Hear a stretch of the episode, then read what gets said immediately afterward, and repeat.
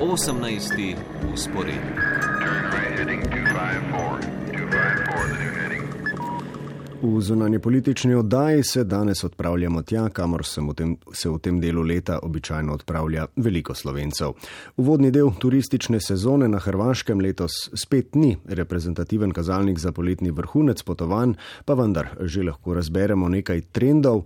Z našo zagrebško dopisnico Tanjo Borčič Bernard razmišljamo, kakšne ukrepe za poln zagon turizma sprejemajo eh, naši južni sosedje, s kakšnimi težavami se sooča kampanja cepljenja in kakšni so hrvaški odzivi odzivi na non-paper, ki to ni oziroma ne obstaja, domnevno. Tanja, pozdravljena. Lepo zdrav iz Zagreba. Eh, začnimo kar takoj s temo, ki je, na, ki je na Hrvaškem še posebej aktualna, ker bo vplivala eh, na turistično sezono. Torej, s cepljenjem, vsaj z enim odmerkom, je bilo do zdaj na Hrvaškem cepljenih 490 tisoč ljudi, po čemer pa bi bilo zmotno sklepati, da kampanja poteka povsem brez težav. Ta teden se je pod plazom kritik znašla platforma cepise.hr, ki je bila mišljena kot enotna baza cepljenih oseb na Hrvaškem, ampak je bilo z njenim delovanjem kar nekaj težav. Tanja, kako torej na Hrvaškem trenutno poteka cepljenje in kakšne cilje so si zastavili?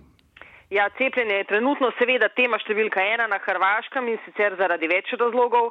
Prvi je seveda ta, da cepiva ni dovolj. Če naprimer samo pogledamo številke cepljenih z enim odmerkom, kot si dejal 490 tisoč, z dvema skora, skoraj 190 tisoč in če jih primerjamo številom cepljenih v Sloveniji, ki ima skoraj polovico manj prebivalcev, cepljenih z dvema odmerkoma pa celo več kot Hrvaška, potem je jasno, kje je prva težava s cepljenjem na Hrvaškem. Eh, Hrvaška je imela, lahko temu rečem, smolo zato ker je v prvi fazi razvoja cepiv daleč največ odmerkov naročilo od proizvajalca AstraZeneca. No, to cepivo je potem prišlo zadnje, v manjšem številu, kot je bilo dogovorjeno, eh, na koncu pa je tudi sprožilo največ dvomov med ljudmi zaradi nekaterih stranskih učinkov, tako da se na Hrvaškem sprva številni državljani sploh niso želeli cepiti za AstraZeneco. No, potem pa je prišla afera, ki se je omenil s centralno enotno platformo cepljenih oseb, cepi se. .hr. Platforma namreč ni integrirana v druge informacijske sisteme in naprimer ne beleži zdravstvenega osebja, ki je bilo cepljeno med prvimi že nekje januarja. Uh, to je na simpatičen način dokazal nek reški zdravnik Leonardo Bresan, ki se je pred televizijskimi kamerami uspešno prijavil seznam za cepljenje, čeprav je že dvakrat cepljen. Uh, potem pa se je izkazalo še, da od tistih 200 tisoč državljanov, ki so se prijavili na platformo, da jih je le okrog 6 tisoč dobilo vabilo za cepljenje, drugi pa so za manj čakali na odgovor.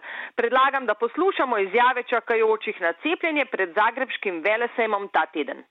Ja sam se prvo preko platforme i onda sam jučer zvala svoju, jer sam vidjela da mene zovu, desetak dana je prošlo. Najprej sem se prijavila na platformo za cepljenje, ker deset dni ni bilo odgovora, sem včeraj klicala svojo družinsko zdravnico, ki me je naročila za danes. Prvo preko liječnika koji nas je uputio na platformu, pa preko platforme. Najprej sem klical družinskega zdravnika, ki nas je napotil na platformo. Ker s platformo ni bilo nič, sem spet klical zdravnika in zdaj sem tu. Preko doktora i super je funkcioniralo. To je. Naročil sem se pri zdravniku, to odlično deluje. Pa ne znam šta bi rekla.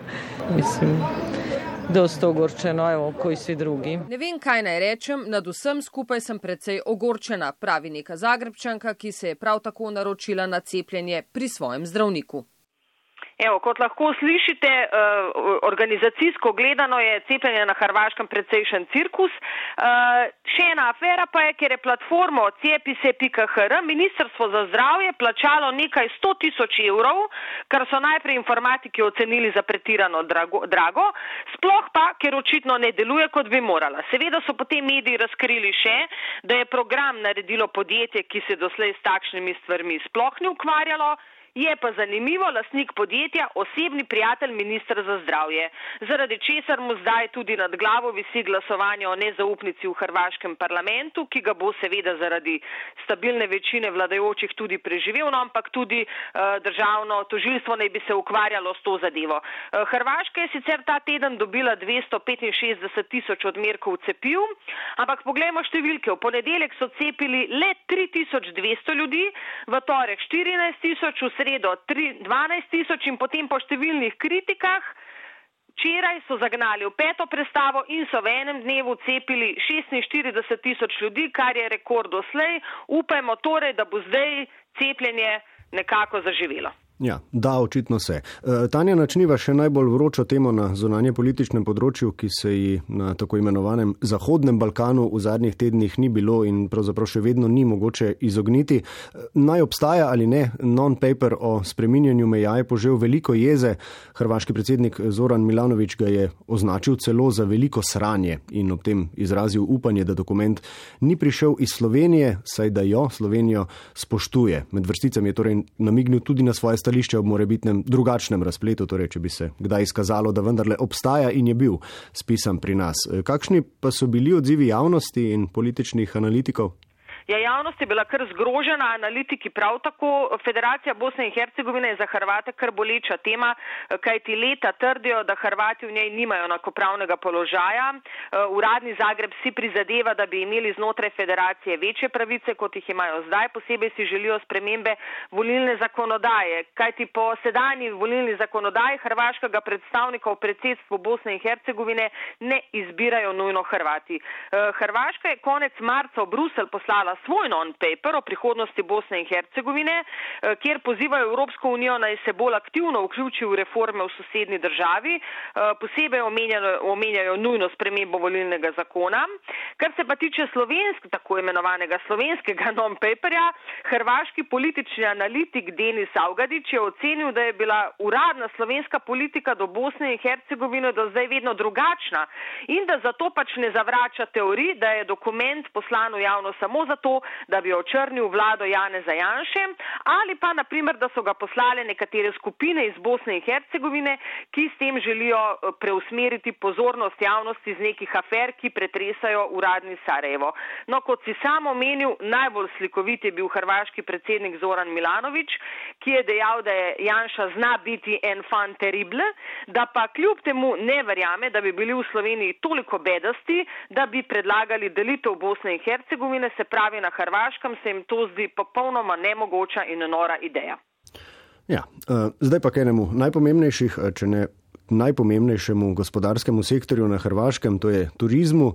Uvod v sezono letos, kot uvodoma že izpostavljeno, nikakor ni pravi indikator poletnega dogajanja, ampak vendarle, ne, kakšne lekcije so lahko hrvaški turistični delavci in odločevalci eh, odnesli od pomladnega dela sezone, ter eh, kako zasedene so trenutno namestitve, kakšni ukrepi veljajo v turističnih središčih.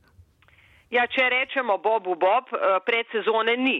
Tistih par tisoč turistov, ki so tedni na Hrvaškem, težko opišemo kot predsezona, na, daleč največjih je seveda v Istri, nekaj tisočih je tudi na Kvarnerju, med njimi je največ Avstricev in seveda Slovencev. Medtem ko dlje gremo proti jugu, o predsezoni lahko le sanjamo. Sama sem bila naprimer pred dnevi na otoku Hvaru, kjer sem videla morda deset turistov.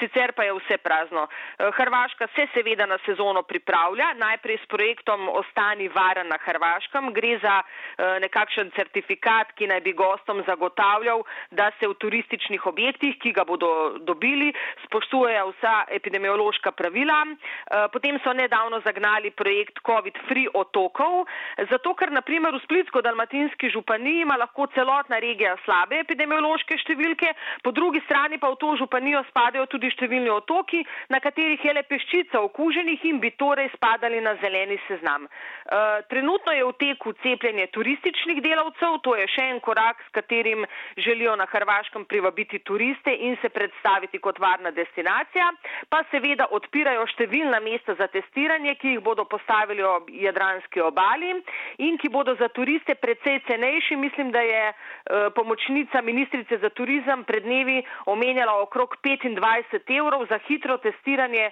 štiri članske družine. Slišala pa sem tudi napovedi nekaterih hotelskih hiš, ki bodo organizirali testiranja za turiste v samih njihovih objektih.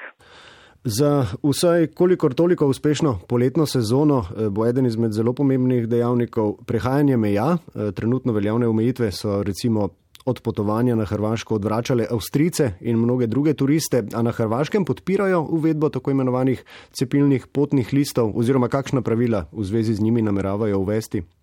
Ja, Hrvaška je ena izmed držav Unije, ki seveda zelo navija za cepilne potne liste, saj živijo od turizma, to vsi vemo. Hrati ne želijo, da bi bili ti COVID potni listi na kakršen koli način diskriminatorni, naprimer do ljudi, ki se ne želijo ali se ne morejo cepiti. Zato podpirajo idejo, da potni list vsebuje tudi podatke o prebolelem COVID-u ali pa o negativnem hitrem oziroma PCR testu. Se pravi, da bi ta dokument nekako pospešil prehod meje. Eh, Hrvaška ima že zdaj enake pogoje za vstop v državo, so pa prav danes sprejeli nove blažje ukrepe, naprimer za osebe, ki na Hrvaško prihajajo iz Evropske unije ali šengenske skupine.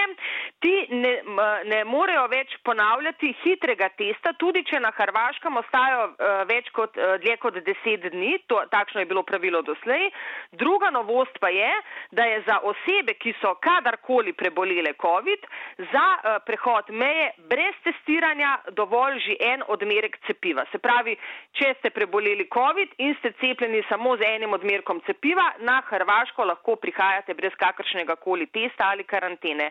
E, seveda pa vse skupaj ne bo imelo večjega pomena, če epidemiološke številke, ki trenutno niso dobre, Hrvaška ima tretjo najslabšo incidenco trenutno v Evropi, če se te številke ne bodo v prihodnjih dveh mesecih popravile, bojim se, da in tudi vsi blažji ukrepi ne bodo pomagali.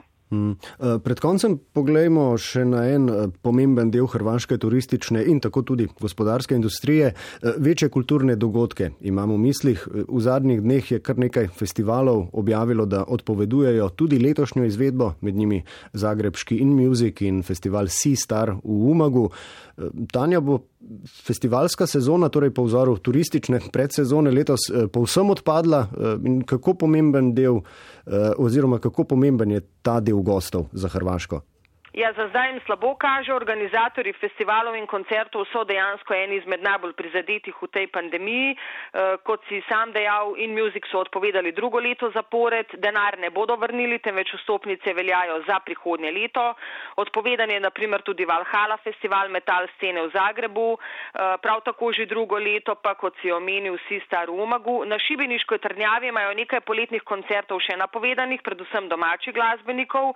Medtem ko je naprimer Mark Almond svoj koncert avgusta že odpovedal. Nekateri koncerti tujih glasbenikov, Placebo, Simple Minds in drugi za zdaj še niso odpovedani, prav tako uradno niso odpovedali niti Ultra v Splitu, je pa možnost, da se bo realizirala verjetno zelo majhna. Eh, koncertna in festivalska industrija je v minulih letih na Hrvaško prinašala okrog 600 milijonov evrov prihodkov, eh, če to povežemo s turizmom, pa seveda še več, tako da ne gre za zanemarljivo panogo, ki pa je zdaj nažalost že več kot leto dni brez vseh prihodkov in uh, ta panoga upa tudi na nekakšno pomoč države, na denar iz uh, evropskih skladov v prihodnih letih.